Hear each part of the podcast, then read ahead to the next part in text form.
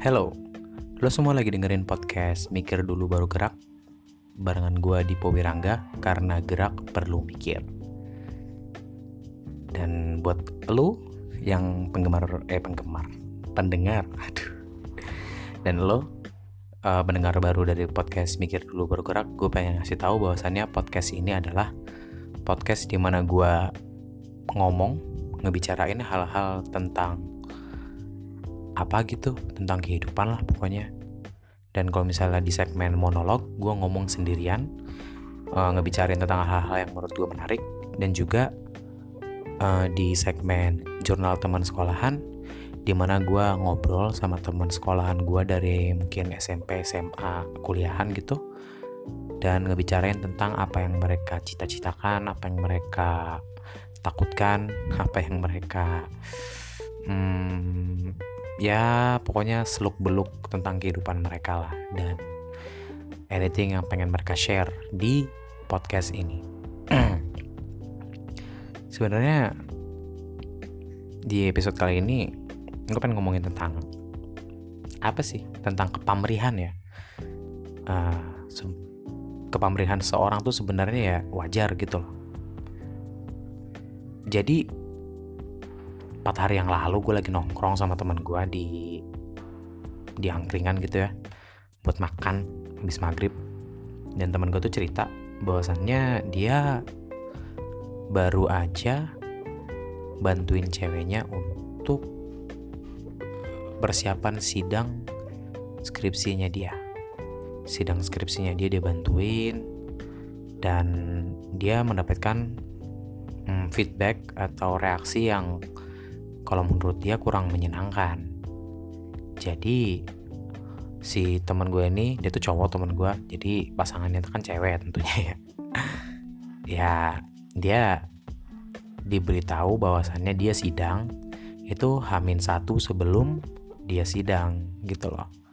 Dan itu membuat dia sedikit upset mungkin agak kesal juga. Kok sebagai orang yang dideklar sebagai orang yang penting dalam kehidupannya yaitu pasangan atau partner atau pacar gitu sebutannya. Dia kok dikasih taunya kok belakangan banget kalau menurut dia. Dan juga hmm, itu membuat dia sedikit kesel gitu loh. Lanjut di hari itu temen gue tuh bantuin si ceweknya itu dari berbagai macam hal ya. Dari pagi dia udah datang bawain barang-barang kebutuhan-kebutuhan orang sidang biasalah ya. Biasanya ada makanan atau snack untuk penguji dan juga makan besarnya. Dan juga ada makanan-makanan untuk yang datang di sidangnya tersebut. Teman-temannya atau teman dari luar kampus juga gitu disuguhin sesuatu kan. Dan teman gue ini membantu ceweknya dia untuk accomplish hal tersebut. Dan yang teman gue ini kecewa adalah sehabis itu like nothing happen kayak nggak ada yang terjadi gitu loh.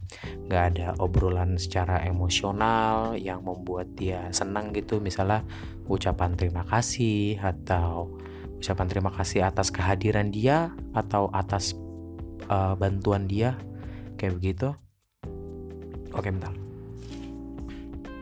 Itu yang kadang-kadang yang waktu itu teman gue obrolin sama gue dia bilang kok apa ya? Apa gue nggak ngerti bahasa cinta dia? Gitu loh. Kan orang masing-masing punya bahasa cintanya ya gitu ya. Ada yang suka uh, dengan verbal dengan omongan. Ada yang suka dengan sentuhan. Ada yang suka dengan pelayanan kayak misalnya dibantuin kayak tadi. Ada suka juga ada yang suka dengan hadiah. Ada juga suka dengan waktu memberikan waktu gitu dan anything else dan banyak gitu loh. Dan teman gue ini belum bisa ngeraba kira-kira ceweknya ini sukanya apa. Dan itu ngebuat dia kecewa dan terlihat pamrih gitu ya. Everyone does pamrih sih menurut gue. Soalnya kayak orang tua kita aja yang mendidik kita dari kecil ngebesarin kita ngasih makan segala macam pengen kita gede pengen kita tumbuh besar sebagai orang yang mereka impikan. Setidaknya orang yang berhasil menurut standar mereka gitu kan. Itu kan keinginan mereka gitu loh. Ada hasil yang mereka inginkan. Even juga agama dengan konsep reward and punishment juga menurutnya sebenarnya menurut gue ya agak sedikit itu ya pamrih ya. Ya ya gitulah nih gue nggak mendiskreditkan satu agama tertentu tapi ya pamrih itu hal yang wajar sih menurut gue di mana kita kepengen balasan yang setimpal atau tidak e, baik lah kita rasa gitu loh. Dan temen gue ini kayak kecewa gitu kayak kok cewek gue nggak ngomong terima kasih? Atau sehabis itu dia tidak ngomongin hal-hal yang dia rasain pas lagi sidang.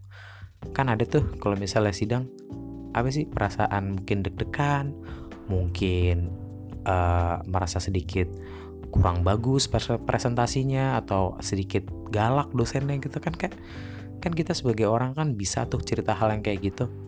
Kita bisa cerita ke temen ke pasangan atau ke orang tua. Tapi kayak si teman gue ini nggak diceritain nggak diceritain sama sekali. Itu kan kasihan ya kalau menurut gue.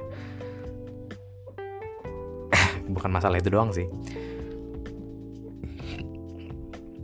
Ini ngerasanya kayak apa ya? Dia tuh kayak belum menunjukkan bahasa cinta apa yang dia bisa terima gitu loh dari pasangannya sendiri. Kadang-kadang itu juga yang membuat orang tuh frustasi gitu. Bahwasannya dia melakukan sesuatu tapi nggak diapresiasi. Ya kayak gitulah. Makanya gue kayak coba gue ngomong waktu itu kayak mengenali bahasa cinta seseorang tuh perlu gitu loh. Jadi setidaknya hal yang lo, lo lakukan banyak itu harus tepat guna, tepat sasaran, efektif gitu loh. Jadi kalau misalnya teman lo sukanya didengerin, ya udah lo dengerin. Atau teman lo sukanya di mm, menghabiskan waktu bersama, ya mungkin weekend atau weekday gitu lo makan bareng habis itu ngobrol habis itu selesai itu means a bagi uh, bagi orang-orang lain atau juga uh, lo memberikan hadiah tertentu ke teman lo gitu kan. Ya bukan berupa apa sih misalnya hal yang dia butuhin atau apa itu udah cukup sih menurut gue gak usah yang mahal-mahal tapi kalau yang mahal ya enak sih. Terus ngomongin tentang bahasa cinta ini gue kayak keinget sama diri gue sendiri sih.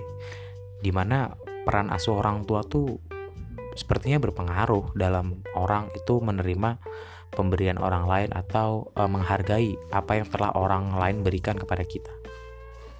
Gue tuh kecil dididik sama orang tua. Ini gue lebih ke condong ke bapak ya, ke bapak yang orangnya bisa cerita. Dia bisa mengungkapkan rasa sedih, tahu caranya mengungkapkan rasa senang, uh, rasa sayang mungkin tapi kalau sayang kayaknya nggak terlalu sih bokap gue gue pernah melihat bokap gue tuh kalau pengen ngomong yang manis atau uh, ngomong yang lu tau lah kata-kata yang seperti itu itu agak awkward menurut dia. Dan dia tuh nggak suka dengan kayak gitu. Nah tapi kalau untuk hal-hal yang lain misalnya dia mengungkapkan kesedihan misalnya uh, dengan bahasa yang baik dan benar kayak gitu ada kausanya kamu kalau main hujan ntar kamu sakit bapak sedih loh kayak gitu dia ngomongnya. Jadi kayak masuk akal. Kita tuh dilatih untuk berpikiran berlogika yang masuk akal yang akal sehat gitu loh. Bokap gue dari dulu kayak gitu. Jadi it's ya itu bagus menurut gue terus kalau menyampaikan kegembiraan juga bokap gue bisa. Kayak misalnya lagi seneng uh, proyek turun duit lagi ada kayak gitu-gitu kamu mau jajan apa? Nih bapak lagi ada uang gitu. Itu seru banget sih kata-kata itu. Ya mungkin terlalu jujur ya untuk seumuran anak TK waktu itu. Gue tuh sadar bahwasannya gue hidup.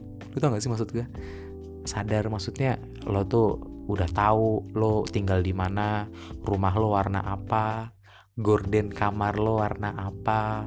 Pokoknya hal-hal nostalgic yang kayak gitu tuh lo sampai ingat gitu loh. Gue tuh kayaknya TK tuh udah jelas banget. Tapi kalau misalnya sebelum TK umur 4 tahun gitu gue masih samar-samar tuh uh, ingatan-ingatan gue yang waktu TK yang gue alamin itu bokap gue menyampaikan sesuatu dengan baik dan benar. Jadinya gue tuh menjadi seperti ini suka ngobrol suka ngomong. Nah itu dia. Dengan peran asuh orang tua yang benar sekiranya bisa tuh membuat orang itu lebih mudah untuk reach out di reach out apa sih yang mereka senangi? Apa ke apa sih yang mereka butuhkan gitu? Terus itu sih. Si teman gue ini juga ngomong kayak gitu pernah seorang tua apa segala macam berhubung si ceweknya ini memang jarang berhubungan dengan lelaki gitu ya. Ya mungkin dia nggak tahu cara mengekspresikan rasa sayang mengekspresikan rasa cinta gitu. Pokoknya gitulah. Kan memang ada porsinya masing-masing sih kalau menurut gue jadi kalau misalnya gue itu berpikiran bahwa masing-masing orang dalam hidup gue tuh punya kotak masing-masing. Ada temen ada ada pasangan ada orang tua ada teman kampus geng ini geng itu lain-lainnya gitu loh. Dan kotak mana yang agak kosong itu yang gue isi dan isiannya pun menggunakan eh, topik-topik uh, atau konten yang benar untuk mereka. Misalnya untuk sahabat gue akan menceritakan tentang hal-hal yang gue rasakan di kampus misalnya atau kesulitan-kesulitan yang gue hadapi di kampus. Uh, untuk orang tua gue bisa mencari dukungan emosional curhat ke mereka tentang kekhawatiran-kekhawatiran di umur 20-an gitu ya. Dan kalau misalnya untuk pasangan ya kekhawatiran juga mirip-mirip sih sama orang tua kayaknya. Dukungan emosional dan segala macamnya. Jadi adil lah gue rasa adil banget. Dan ya walaupun sering sih pasangan gue marah kok kamu main mulu? gitu misalnya. Itu wajar lah ya. Terus ya itu sih yang gue rasain. Uh, peran seorang tua terhadap bahasa cinta tuh kayaknya berpengaruh ya. Jadi teman gue ini gue harap bisa atau lo yang ngalamin uh, lo udah melakukan sesuatu sudah sudah memberikan hal yang terbaik tapi tidak mendapatkan hasil yang lo harapkan atau paling tidak tidak mendapatkan terima kasih kayaknya antara lo yang salah memberikan pelayanan memberikan kasih gitu ya atau hmm, dianya aja yang gitu tahu lah maksud gue dan apa sih tadi gue mau ngomong ya? Oh iya ngomongin tentang cara mengekspresikan nih apa yang lo rasain di dalam sanubari lu. Itu tuh pernah dengar lagu ini nggak? Uh, jika kau suka hati tepuk tangan. Jika kau suka hati tepuk tangan gitu kan. Jika kau suka hati dan memangnya begitu bila kau suka hati tepuk tangan. Ya gitu kan. Yang dibahas di lagu itu pas gue dulu pramuka waktu SD gitu kan itu tuh di mana lo suka hati?